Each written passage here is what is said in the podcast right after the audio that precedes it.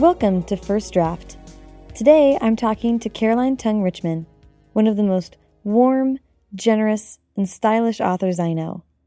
Caroline's debut novel, The Only Thing to Fear, is coming out September 30th with Scholastic. Caroline is the hub that brings our group of DC authors together, the kind of person that can make anyone feel welcome and at ease. I'm so excited for her debut and that she agreed to meet for an interview. We met at the Rockville Library in a suburb outside DC.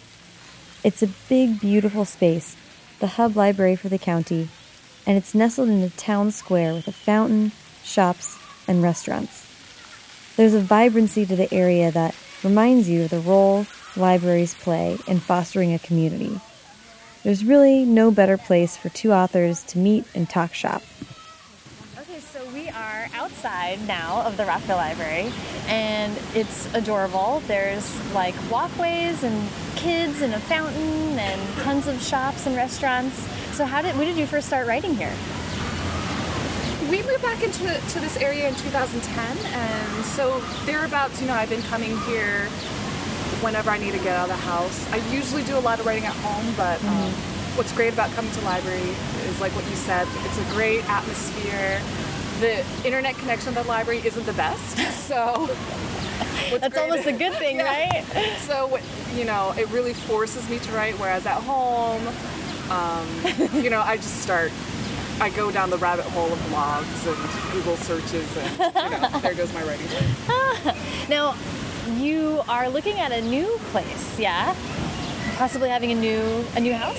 Oh yes, we are moving out to the country. Um, uh, we're moving about 20 minutes west of Leesburg, Virginia. Leesburg is probably like the last big suburb um, of the in uh, northern Virginia.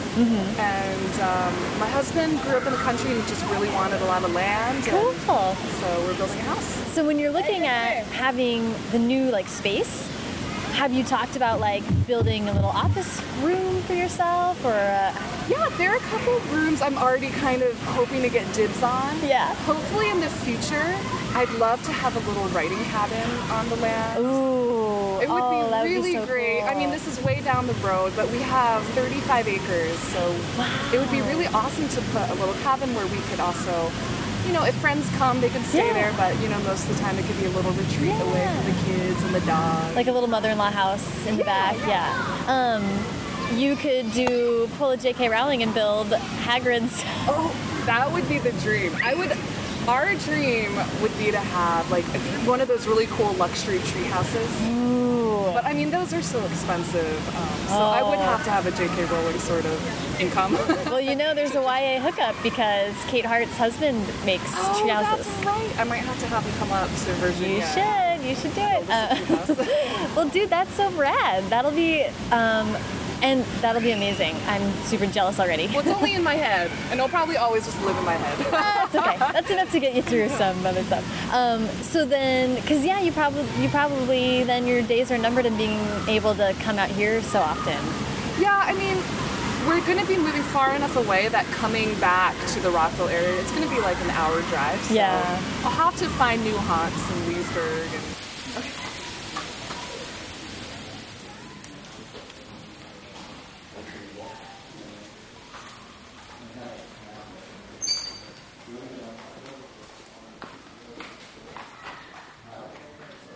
We, uh, so I want to kind of start at the beginning, a little bit of backstory. So where do you where did you grow up? Where are you from? I'm actually uh, just around the corner. We are sitting in the Rockville Library in Maryland, which is about 30 minutes outside of DC, and I grew up literally just around the corner. And where did you end up going to school? I went to BYU. I Cool. am. I used to be a very good Molly Mormon girl. Um, my husband and I, you know, we were the church-going folk. He went on a mission.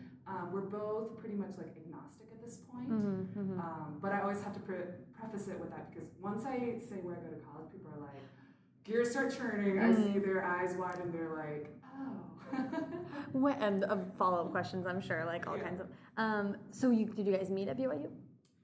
um, technically, we did. My husband went to Duke, but he took a year off in the middle of his studies to write a book. And so he moved out to Provo, Utah, because it was cheap and he had a lot of friends. He dated one of my good friends from my freshman floor, and that is how we met.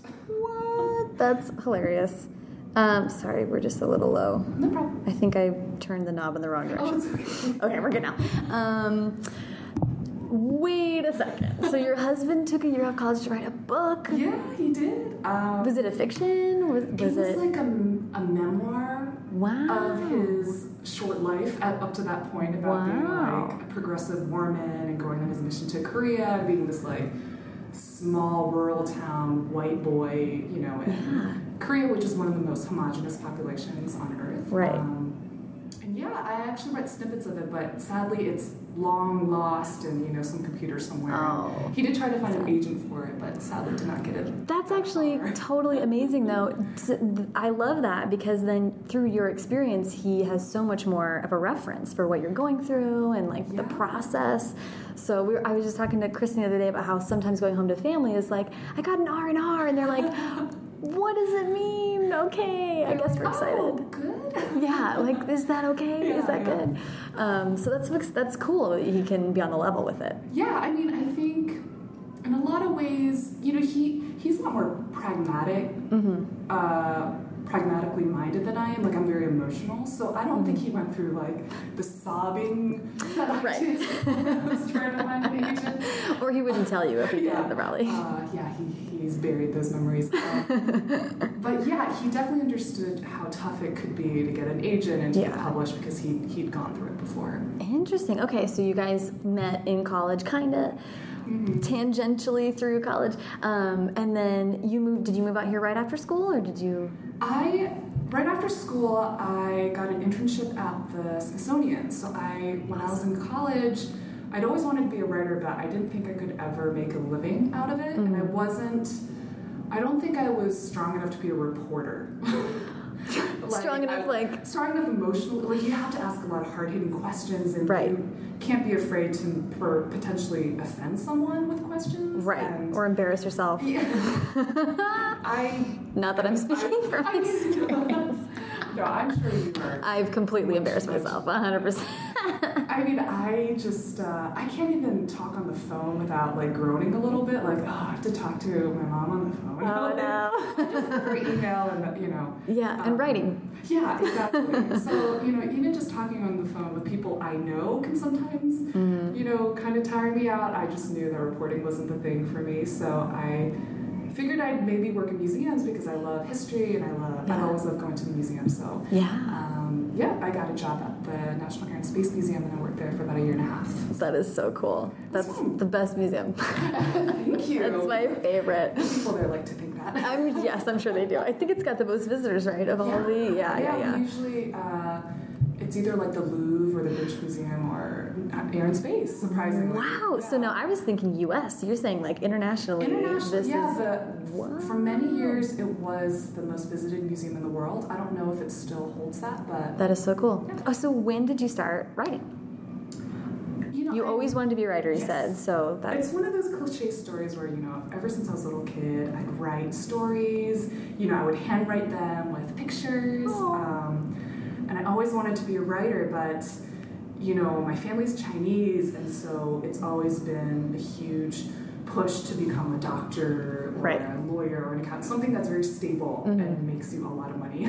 Right, Which right, right. Chinese view is very prestigious. right, right, right. So, um, but I've always been very artsy, so I I figured I couldn't make a writing a living as a writer, so maybe I do something that's semi-artistic, you know, in the museum world, and Yeah. write on the side. Okay. Um, and it wasn't until after I got married and I moved down to North Carolina because my husband was in the army at the time, and there aren't any museums in the town where we live. Well, there was one, and they weren't hiring, so What was the museum down there? it was the Special Forces Museum. Wow. Um, I checked it out too, and I'm like, this is not up to Smithsonian standards at all. No. It was very biased. Yeah, The yeah. placards were, uh, Oh wow. you know, very opinionated. Um, but they weren't hiring, so my husband was like, well, why don't you write? You've always wanted to be a writer, and this is kind of the perfect place since you can't Yeah. find a job in your what you were trained to do. You should Yeah. write. So try it out. So at that point, were you? I, it feels like that could go one of two ways. Where either you're like, yeah, like unleashed,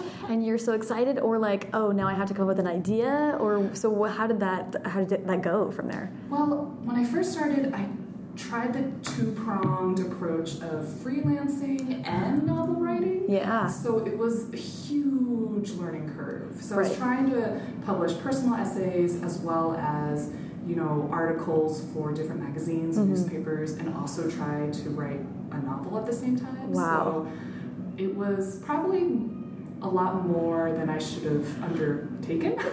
Right. A lot at once to try to learn. Those are all so different. Yeah, I mean, people go to school for four years in journalism to, you know, understand styles and Right. you know, gain experience. and still don't know how to freelance.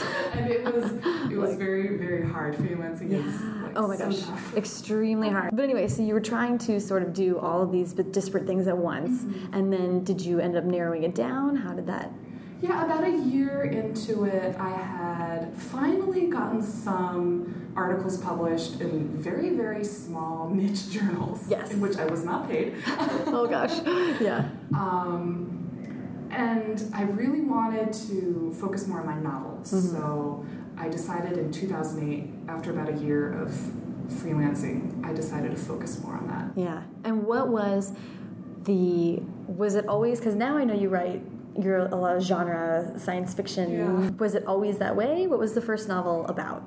Yeah, I've always been a sci-fi fantasy geek. I love Star Trek Next Generation is my favorite show. Yay! I would love to be, you know, someone in Starfleet and an officer somewhere on the Enterprise. That would be Future my dream come Halloweens. true. Um, so my first novel was the novel I wrote, I think, to my younger self. It Mm. was about this 12-year-old boy who discovers that there are aliens in our solar system and um, there's billions of them and, and yet they kind of keep themselves from us because we're too barbaric Right. and he finds out that there's this knighthood of these aliens and that protect the solar system. So it was very much, you know, the book of my, you know, nine-year-old heart. Yeah. Oh my god, I love that. So that so that was. The, and did you get all the way to the end? Did you type the end? Yes, I did. I worked on that book for three years. Wow. It was definitely a huge learning experience. Right. Well, d- so now I'm curious because I think it's such a, um, it's hitting writing the end. You like level up at that point. so did you actually um, go back and like rewrite it a couple times, or was it just taking your time to get like was it 250,000 words? Like what? It was, you know, I think it was pretty long. I think it, it was definitely over 80k, which is long for Right. a middle grade novel. oh yeah, yeah. Um, and That's I like that's like more than double normal, right? Right. Yeah.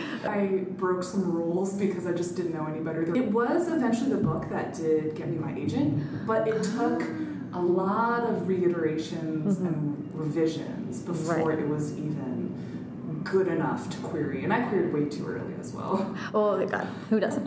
Um, so that was the book though that got that got you your agent. So and that was once you finished it after that three year period, then you went and queried with it, or how did that come about? Uh, I wrote so after two years passed, and I felt like the book was good enough for querying. And, which is funny, I didn't have anyone beta read it. Really? It was, I had the first few chapters um, revised through my critique group, and then I went to the Highlights Chautauqua conference. Every participant is linked up with an editor or agent or established writer. Cool. And so the editor that I was partnered with really helped me to revise the first few chapters. Mm-hmm. And it wasn't until then where I think things started to fall into place. Mm-hmm. And after that, I did another revision, and then I started querying after that. Okay. How did you fall into this first writing group?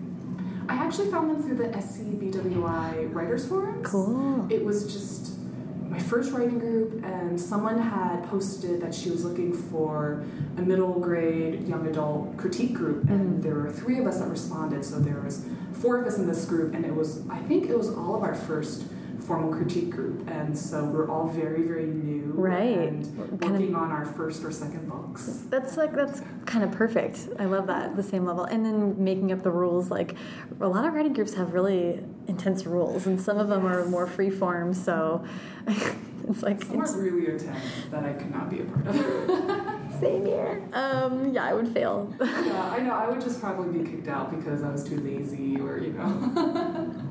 totally. Um, so that's that's cool. Then you had these people, and how long were you writing with that group?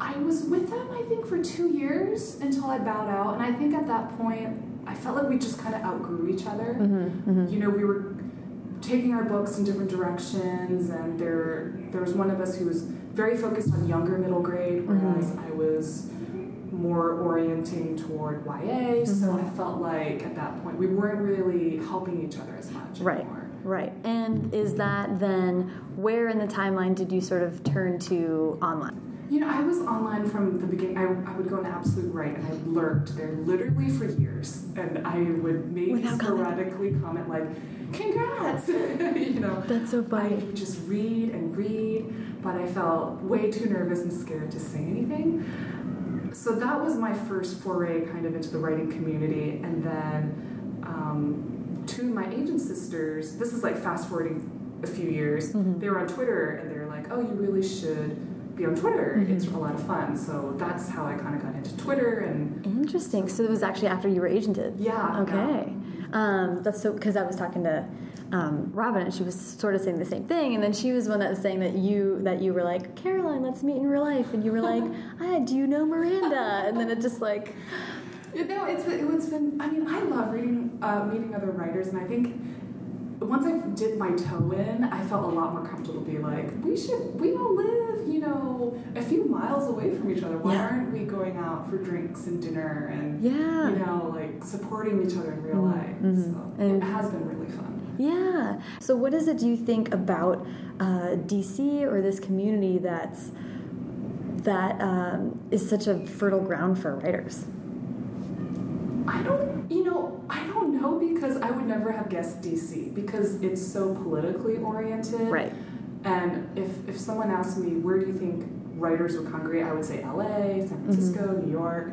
I think part of it is, it seems to be there are a lot of people who their partners, husbands, or wives are the ones who are anchoring them to DC. Mhm. And so they're here, um, and, you know, they dabble in writing or something like that. And Mhm, so mhm. they, they're the ones with the more flexible schedule. Right. And so that's what led them to the DC. I don't know. That's a really good question. It's now very- I feel very silly to be like. No, no.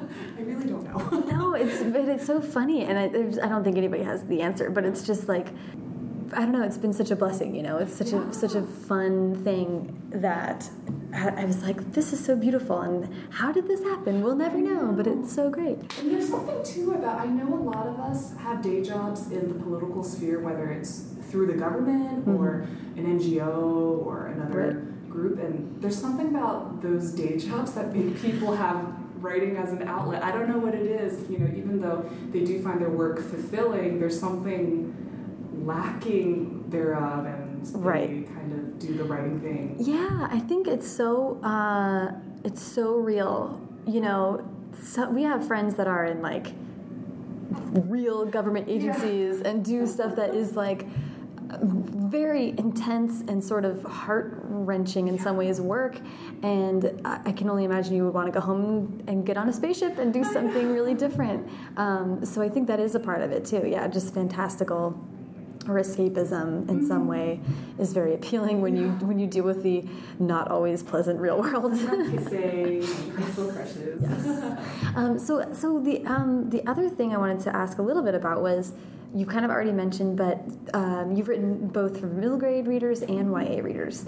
So you started middle grade. I did. What is are like the pros and cons of each? How do you kind of land on what you prefer to write? It's tough. I mean, I really love writing both. I think the pros to middle grade is it's a little more lenient publishing wise.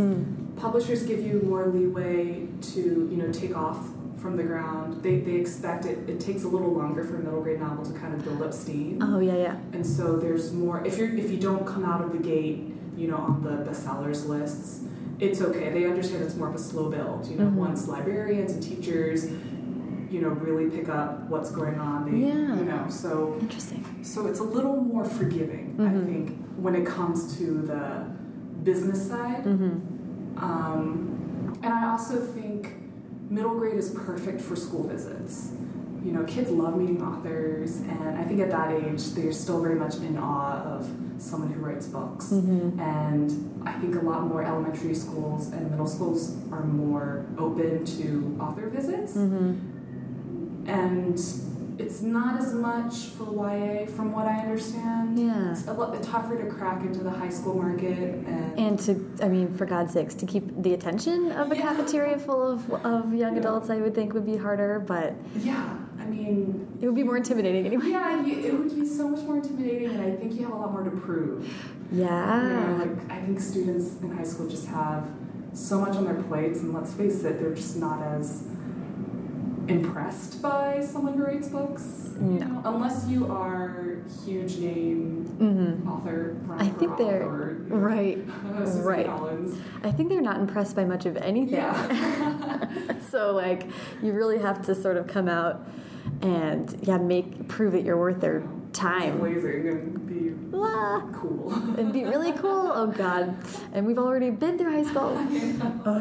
Uh, why do we do this first? I know.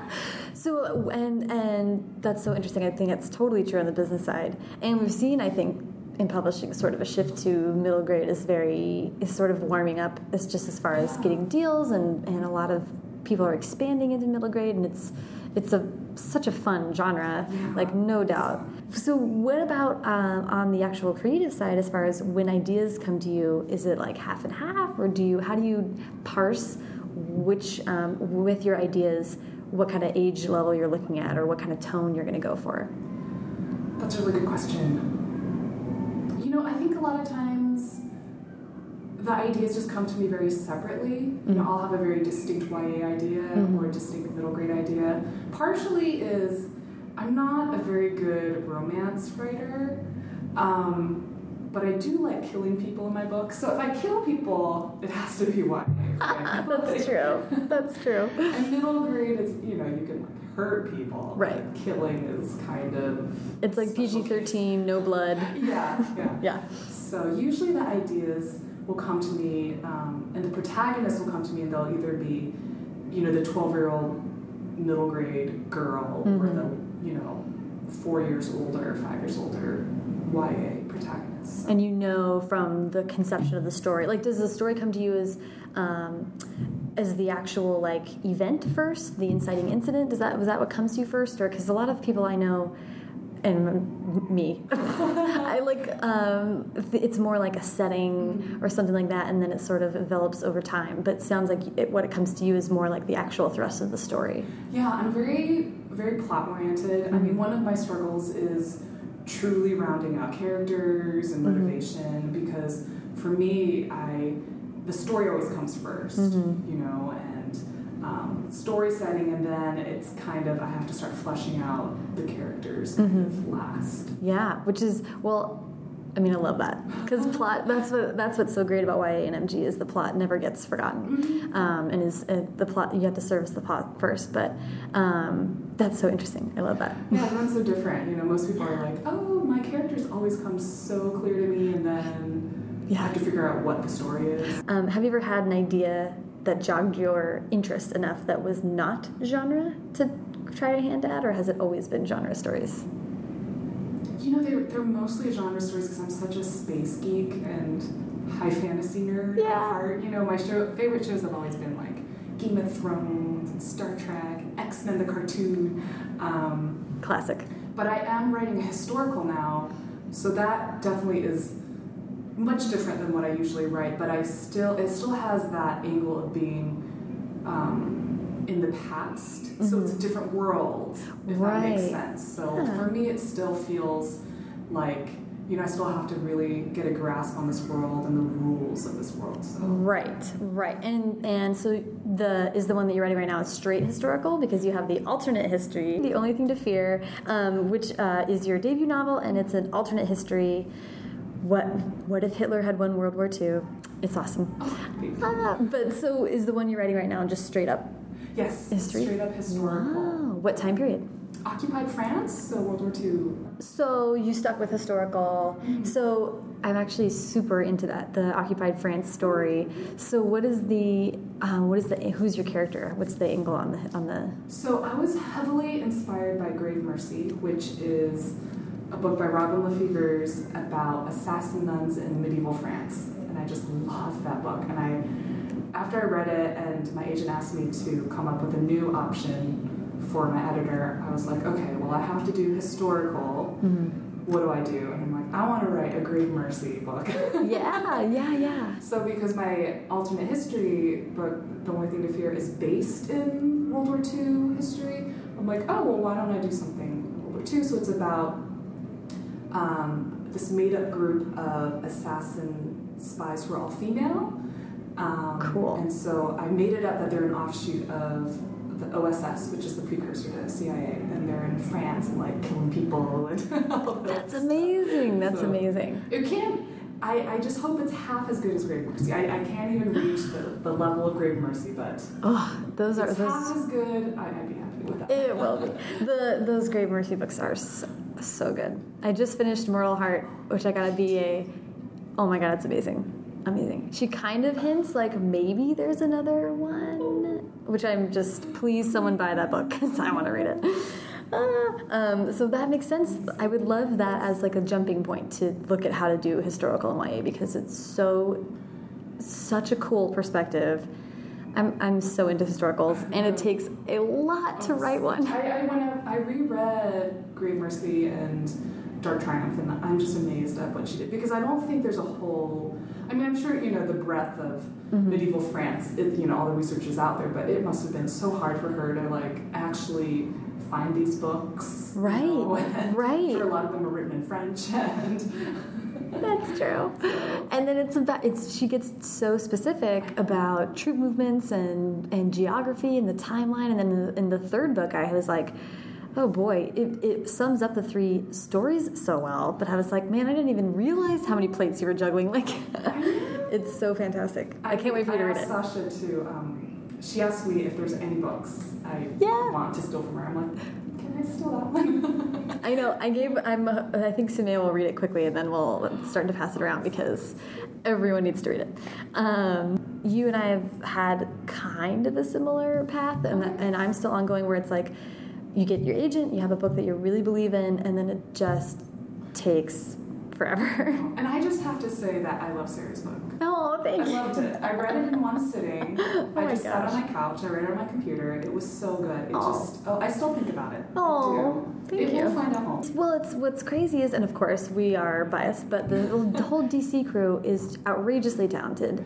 Yeah, I mean, Everyone's writing like such know, good stuff. When Jessica Spotswood's book sold for a major, major deal, Mm-hmm. And I loved Born Wicked, and now Robin Talley has you know this buzz book, Yeah. and she was so featured in BEA very prominently. Mm-hmm. Yeah. according to And Miranda's like out of control. I know. Like her series is just taking off. I feel like she she writes so fast. I know, and she has that crazy job for the Yeah. Like, she's the most important person we know, probably. Um, and she's like, no big deal. On the weekend, I'll just write amazing best-selling books. I know she, she tells stories about meeting Angela Merkel and you know seeing the president. Obama, yeah. Yeah, I mean, Hanging. her job. Just hanging with Bombsy. No big deal. Um, so I think we we but even given that I think we have an amazingly talented group of people, everyone's publishing experience is so different, Oh and you get to see firsthand how the market is just crazy and it's just so situational, and you can't always um, predict what's going to happen. So anyway, what I'm trying to ask is. It took a little while, I think, for, for the deal to come through for you. So how did you sort of um, deal with that? What did you do to sort of keep to persevere during that time? This is something I know very well. and I blogged about it quite a bit because I just wanted to give up for a long, long time. So I started writing novels seriously in 2007. Mm-hmm. And it took me three years to write my first book, mm-hmm. which is a long time. I was kind of lazy. and I finally got an agent, and I thought that was my big break. And mm-hmm. then that book just didn't sell, it just sunk to Right. the bottom of the ocean, never to be revived. Oh no. And it was really hard, but I, I was like, you know, it's going to be my next book. I'm going to write this next book. And and the, the the truth is, the next book was the only thing to fear, but it took me another two three years before it was even good enough to put on submission. You know, I had to rewrite the whole thing probably five times. Really? Wow. It was very disheartening, and I've never been jealous writer. I've Mhm. always been like really happy for people. Mm-hmm. Truly, truly. Um, but it would just make me sad when I just, I felt like I was the cheese standing alone. Yeah. you know? Yeah, yeah, yeah. You know, like I would see people who got agents after I did and sell their books, and again, I'd be like, "That's awesome! You know, Mhm. this this career is so tough, and it's amazing when someone finds success." But I'd just be like, "Is this a dead end dream for me? Is Right. this something that'll just never happen?" Right. and I had to, you know, I definitely went through periods where I thought about giving up Mhm. because it just was so wearing on my Mhm. soul. Yeah, absolutely. Oh my gosh. And how, so, so did you? I mean, but you kept writing. Like that's what I'm. I admire it so much because you Oh. really, you did not quit. You kept going. How did you? Did you take it easy on yourself? Did you say, a, you know, a hundred words a day, or how did you sort of approach it to keep yourself from? Like self harm, honestly. Like you're talking about, it hurts your soul. It really does. So how did you? Uh, how did you sort of stay gentle to yourself but keep going? I think, you know, I had to let myself take a lot of breaks. Mhm. You know, there, there would be weeks sometimes where I just wouldn't write. I just set it aside because it really was hard, and every time I'd write, I would just get frustrated Mhm. instead of feeling creatively fulfilled in some way. Yeah. And I think what kept me going was I just first I'm just really ridiculously stubborn and also it just was a dream and I'm like, you know, even if no one reads this, I still want to write this story. It just it kept pouring out. I really wanted to keep tweaking the words and or you know, try this new book. And even when I was determined to, you know, put away writing for months, it would just come back a few weeks later where all of a sudden I have a new idea or I thought about a way to fix a chapter and then Right. it just kind of forced me right back into it. Yeah, yeah. So it's almost like you couldn't give up. Yeah, my brain was like, hey, get out those hands. Yeah. oh, that's awesome. That's so awesome. And so when did this? I'm actually not sure the timeline of this. When did this actually sell? So that book went on, so the only thing to fear went on submission in September of 2012. Mm-hmm. And I was a wreck. Yeah. I I was checking my blog stats all the time to see if I was getting hits from like publishing houses, which is something I should not have done. it was really dumb. I think we've all been there. refresh, refresh, refresh. yeah. And um, it did not sell in the first round. It got roundly rejected. Mm-hmm. um, but fortunately, um, in the second round, the book went out to Scholastic, and this is where luck comes in. So, a lot of publishing has to come. I think it comes down to luck. My agent sent it to an editor there, and she was like, you know, I don't know if you know this genre is really my thing, but my colleague really loves World War II. Let me see if she'll want to read it. And that colleague turned out to be my editor, Judy Corbett, who it just kind of was that, you know, fortuitous sort of, I don't know, you know, something happened Yeah. all by luck and fortune. Yeah. And, you know, her she has edited previous books about World War II and she loves the the era and That's so cool. I mean, like, that's the thing, you know, if sometimes I think about that, that, you know, if that editor had just said, no thanks, Right. end a conversation, the book wouldn't Right. have sold. Or, Right. you know, Just wasn't thinking that day about. yeah, or her Jim was like, you colleague know, I don't know if anyone at Scholastic want to read this and just kind of skipped over the house. Mhm. It wouldn't have sold. It just was very, very lucky by chance that Yeah. it kind of landed into an editor's lap. And I think as writers, oftentimes we think like, oh, well, you know, I want that. Everyone wants their book to sell at auction, and everyone wants more than one editor. You know, we dream of that, but I think more often than not, it's just about that matchmaking. Mm-hmm. You know, that one editor who sees potential. Totally. And Because you can sell and have an editor who your edit letter is let's make this a different book or something. You know we've you know we've had friends go through terrible experiences with where it's the vision ended up not really being what they wanted. So um, i think that is something really important to keep in mind that's that's mm, this is a very optimistic message i guess. But either it's it's all fortune or keep in mind that at, at any step it could be you could need to go in a different direction, or it could be different than you expected it to be, or It's the double-edged sword of publishing in that you can be you can be a really wonderful writer with a really killer book, but just because you and that one editor that would have been perfect, like ships passing the night, it, that book doesn't sell. Yeah. You know, because I've read books written by friends that didn't sell that I thought were brilliant, and I'm like, mm. this is going to be an easy, easy sell, and for whatever reason, it doesn't. yeah, And so it's both comforting and but also very um, disturbing. I'm sure to writers that you know that Yeah. love plays into it, but it does. yeah, yeah. And I mean, we're not the only profession that does it, but when you're that intensely creative and when it does take so long, I think where I I, I, I love what you said about not being a jealous writer because I also do do not feel like a jealous person. I don't think that any one certainly one person selling a book doesn't mean that your book isn't going to sell. It's not a one. It's not a zero sum game. Um, but it is.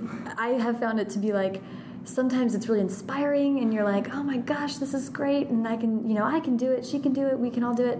And sometimes it's like uh, like if you're just starting a new draft and someone sells and you're like i want to sell too but oh my god i have at least a year until this thing is readable. It's like running a race and everyone's passing you by. That's what it felt like for me at my darkest moments. I was just like sweating and you know like I'm in like the third mile of a marathon and everyone's like running past me like you know Kenyan sprinters. Yeah, and yeah. I would just be like, "Excuse me, do you have any water?" That's how I felt. totally totally oh my gosh um, well i love that you kept going i'm so excited for your book to come out um, and the let's see. Oh so i did want to talk about you are now going through you have your debut book coming out and you and you sold and it's exciting.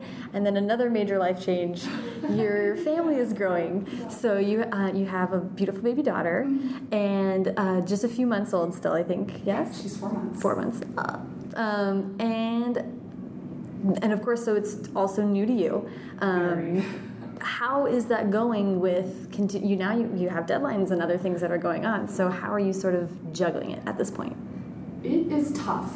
I mean, you know, that's what I heard. Everyone says, you know, once you have kids, everything changes. It's so hard to write, and it's true. I mean, in some ways, I like it a lot because it makes me make every second count.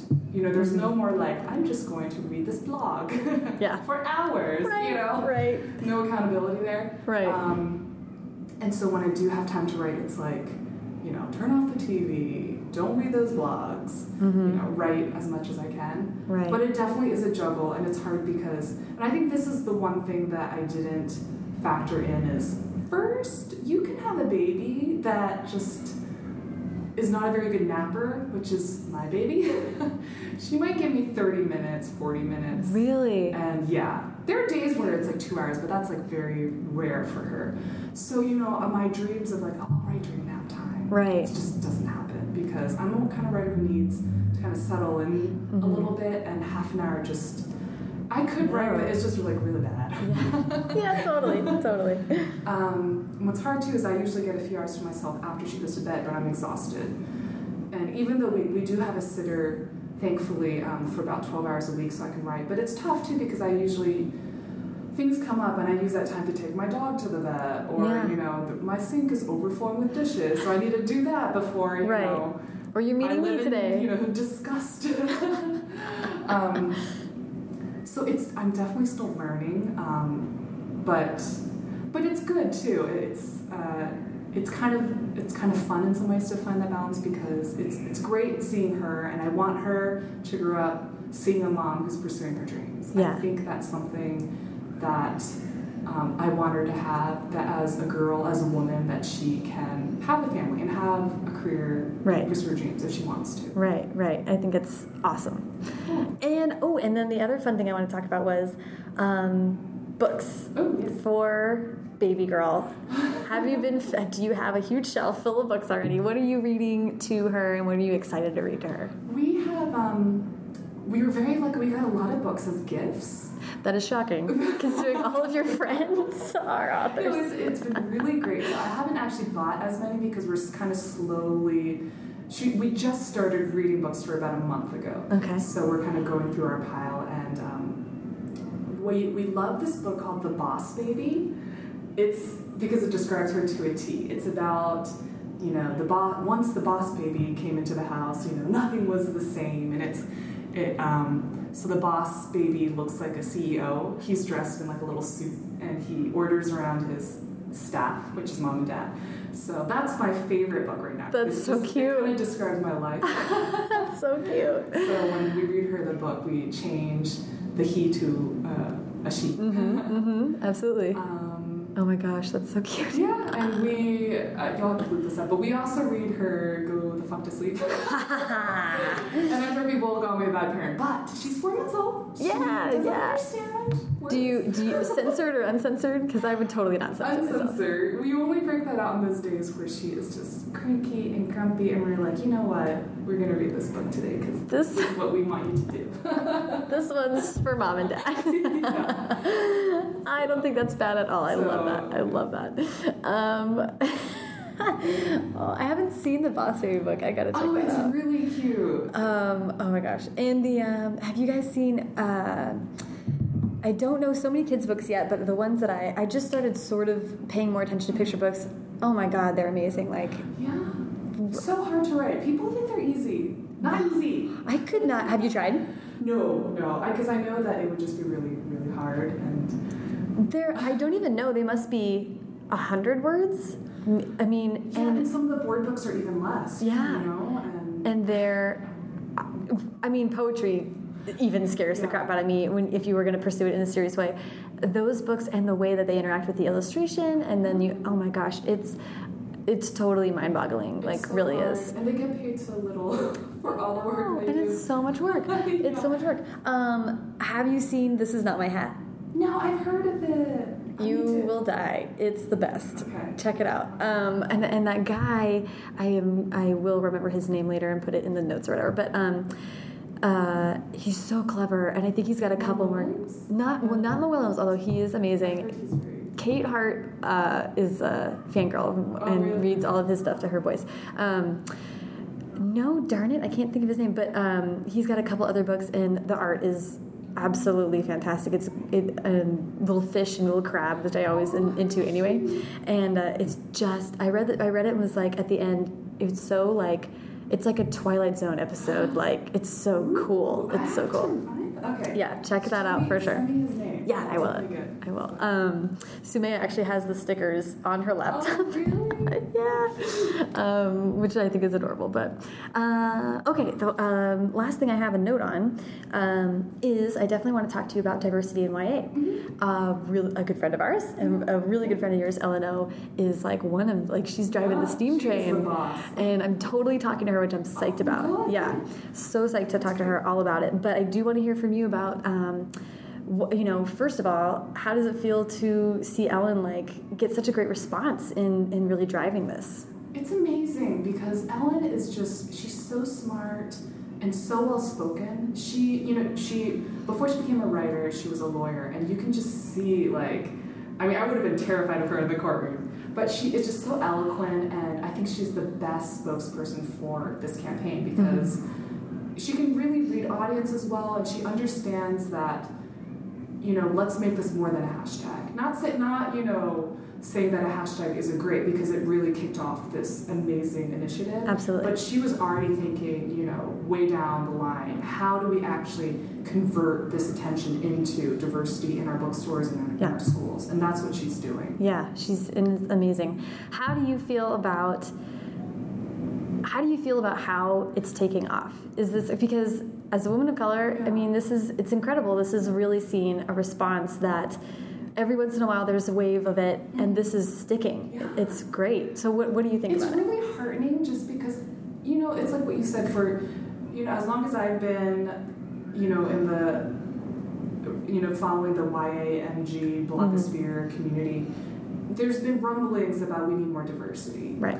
And yet it, it just never really went beyond talk. Mhm. It was just, you know, a few blog posts here, maybe, you know, a hashtag on Twitter. Right. It just didn't seem to really stick. And yet now, and I, I credit Ellen for this, she was like, let's, you know, let's let's get the word out. Let's actually make a conference that's dedicated to YA diversity. Let's partner with, you know, these big you know, booksellers or librarians, and you know, really reach down to the grassroots level where kids are going to find these books. Right. And you know, I really credit Ellen for thinking of all of these ways to actually Yeah. get this going. What are some some benchmarks that we that would really you feel achieve a tangible goal?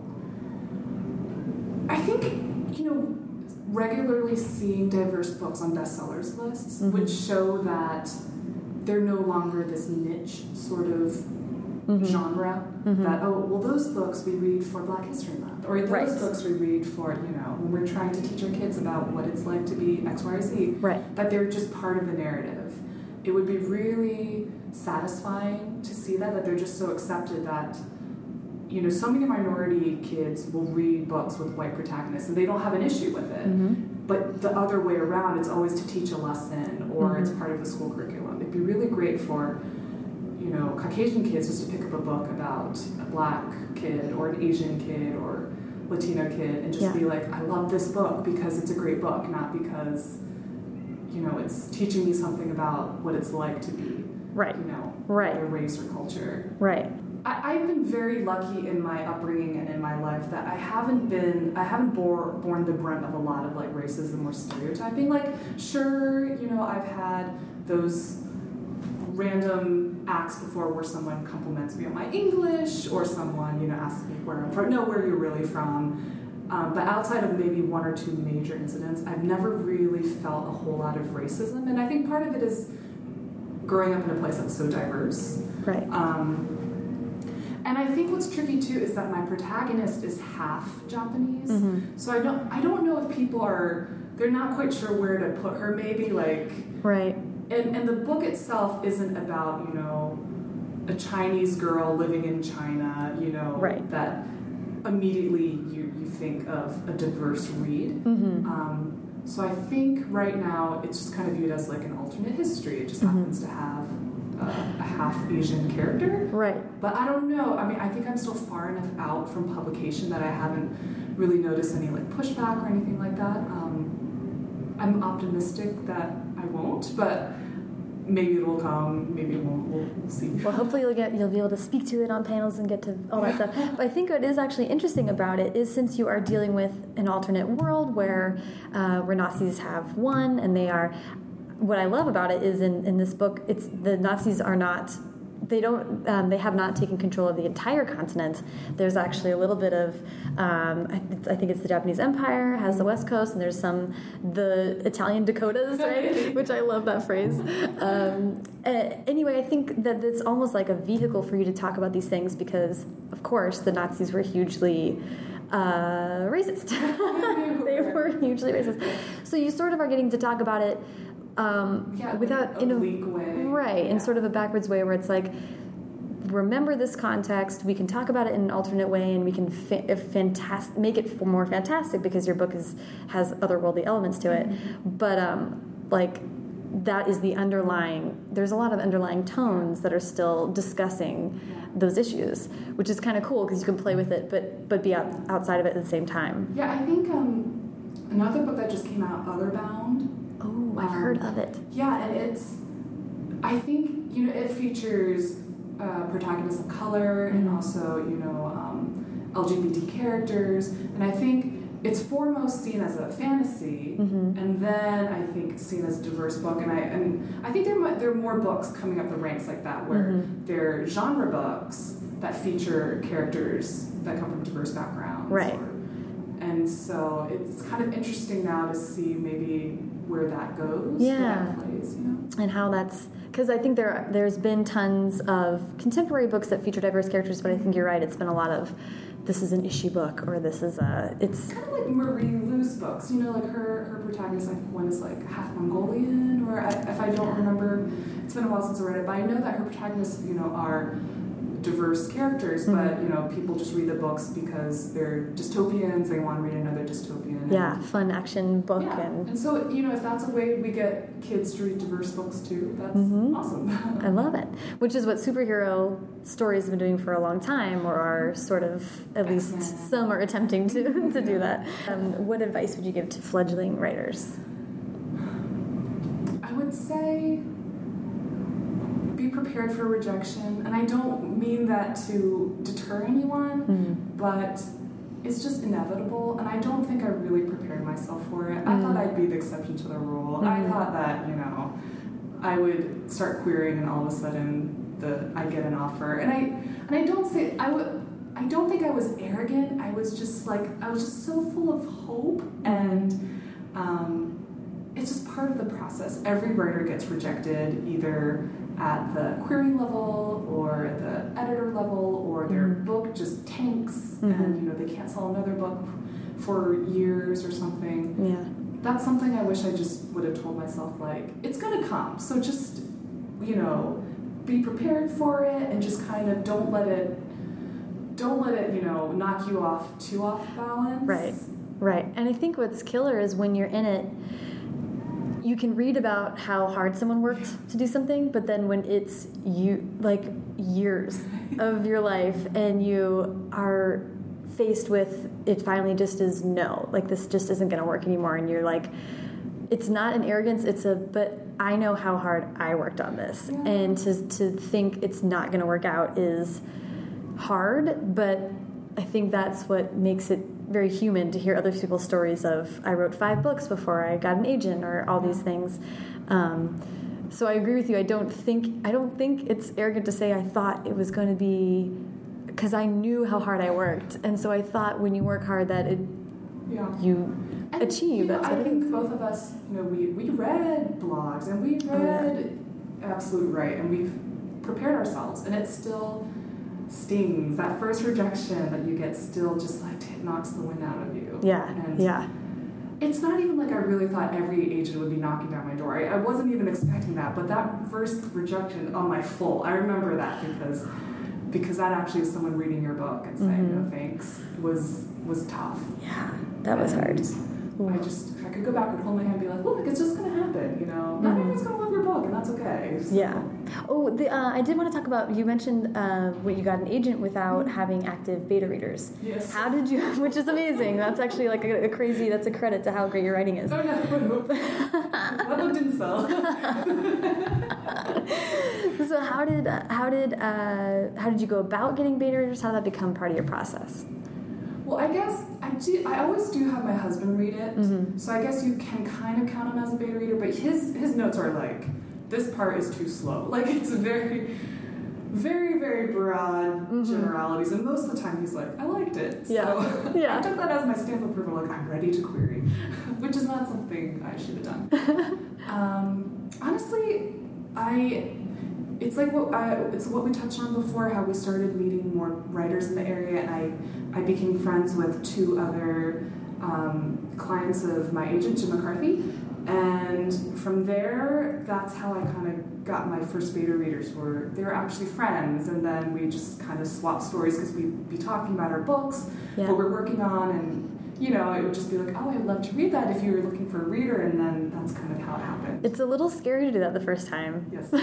it's scary, I think, doing with people you know as well because, you know, there's always a chance that they could hate it. Yeah, or just not respond to it. I think sometimes too you get based on people's notes. You're like. I mean, you can love, didn't like it. yeah, you can love someone and be like, I, not even necessarily that they didn't. I mean, they they didn't like it, but also like it's just not their thing. yes. There, I, I have tons of friends that write stuff that's just so different from me that I'm like, I want to read your book, but just to read it because I just don't think you want my opinion. And like vice versa, I'm writing a book that I don't know if you like. It's not in your wheelhouse. It doesn't make sense. So that I think is another learning curve Yes. of who is a good reader for you individually. I mean, that's another lesson to you know new writers. Like it's it's kind of trial and error. Like I mentioned, my first critique group. You know, we kind of just went separate ways, and that's Mm-hmm. okay. And it, it does honestly take a while to find people that you trust Yeah. and who who like your writing to start with, or they just Yeah. like the genre genre Yeah. write. Yeah, and then uh, and some people are great at plot. Some people are great at character. I mean, how many people do you think you've had read one book, as far as just beta readers, not agent or editor? Um, I'm thinking for the only thing to fear, I had three beta readers, and I'm very, very. It takes me a long time to let people to read my book. It still really freaks me out that people are reading it. I just prefer not to think about it. Yeah, yeah. I'm not one of those authors who's tempted to read reviews. Like everyone's like, "Oh, don't read reviews." I'm like, that wasn't even part of my thinking. Like, I'm not gonna read any review. I'm No way. getting off a Goodreads, you know. like, mm-hmm, I'm gonna mm-hmm. read trade reviews like this with my hands over my face because I have to read them. Yeah, right. Like, I'm just not tempted to read reviews. Well, that's good. That's good. That's so funny though. I feel like I've had like 15 people read.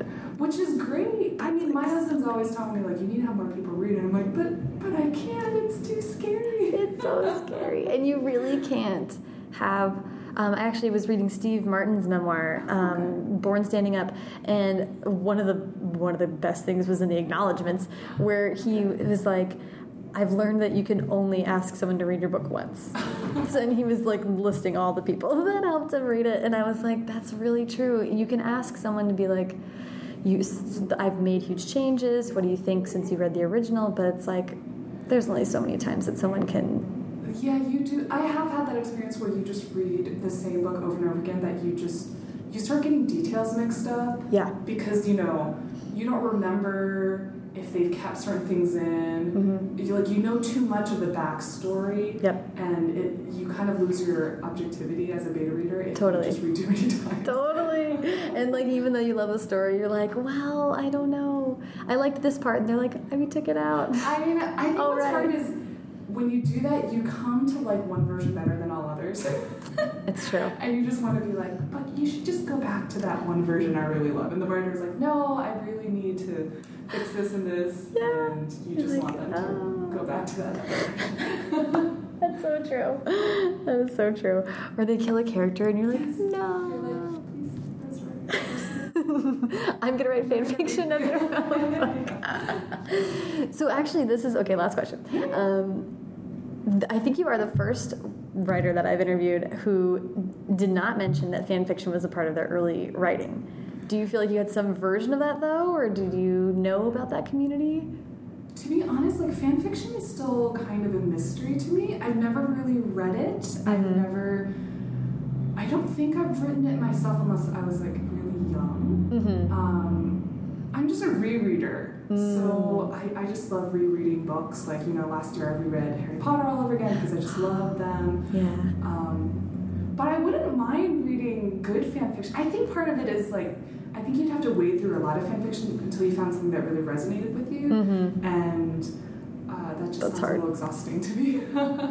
I think it's the kind of thing that uh, it has to get you at a certain time. Yeah. I think, and for a lot of people, that time is in being in high school or being and and having that be sort of your stepping stone to writing your own stuff is you can sort of practice with other people's characters and. I wish that I'd known about it. I uh-huh. sort of just didn't have any clue it was happening, and so I wasn't writing at all. And I think maybe I would have. I did read NSYNC fan fiction one time. awesome. I was I so curious about Well, I guess in some ways Star Trek books are fan fiction, and I've read a lot of Star Trek books.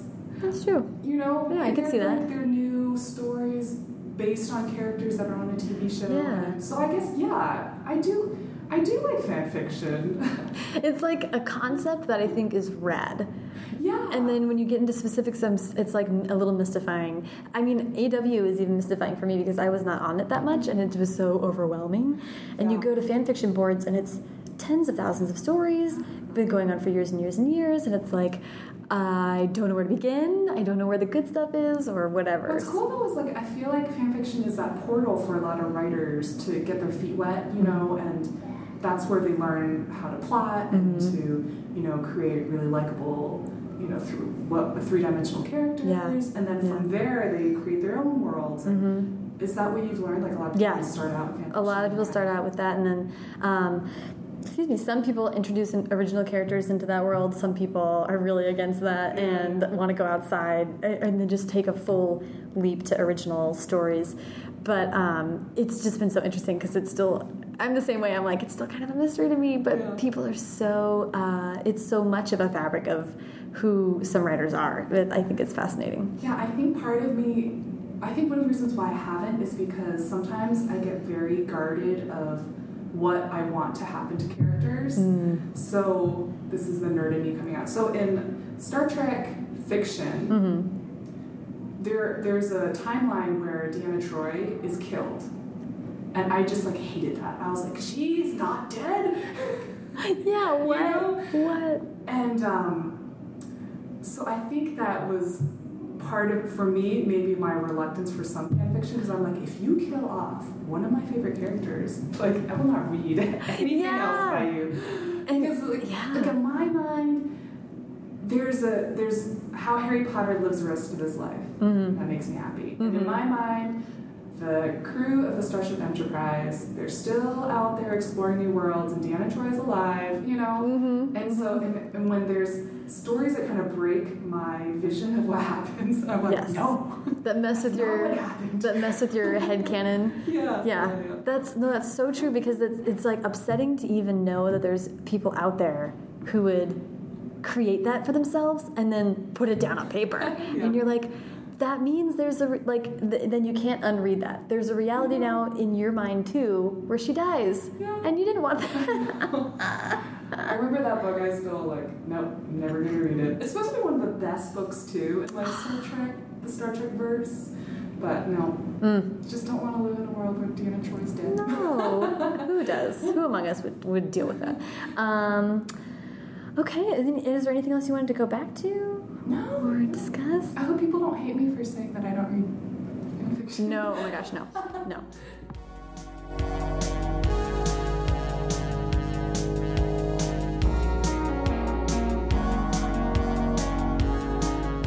Thanks so much to Caroline. You can follow Caroline on Twitter at CT Richmond and follow the show at First Draft Pod and me at Sarah Enni. The show is also at www.firstdraftpod.com. The original music for the show was created by Hash Brown, and the wonderful logo was designed by Colin Keith. Also, please don't forget to rate and like the show on iTunes. And thanks so much for listening.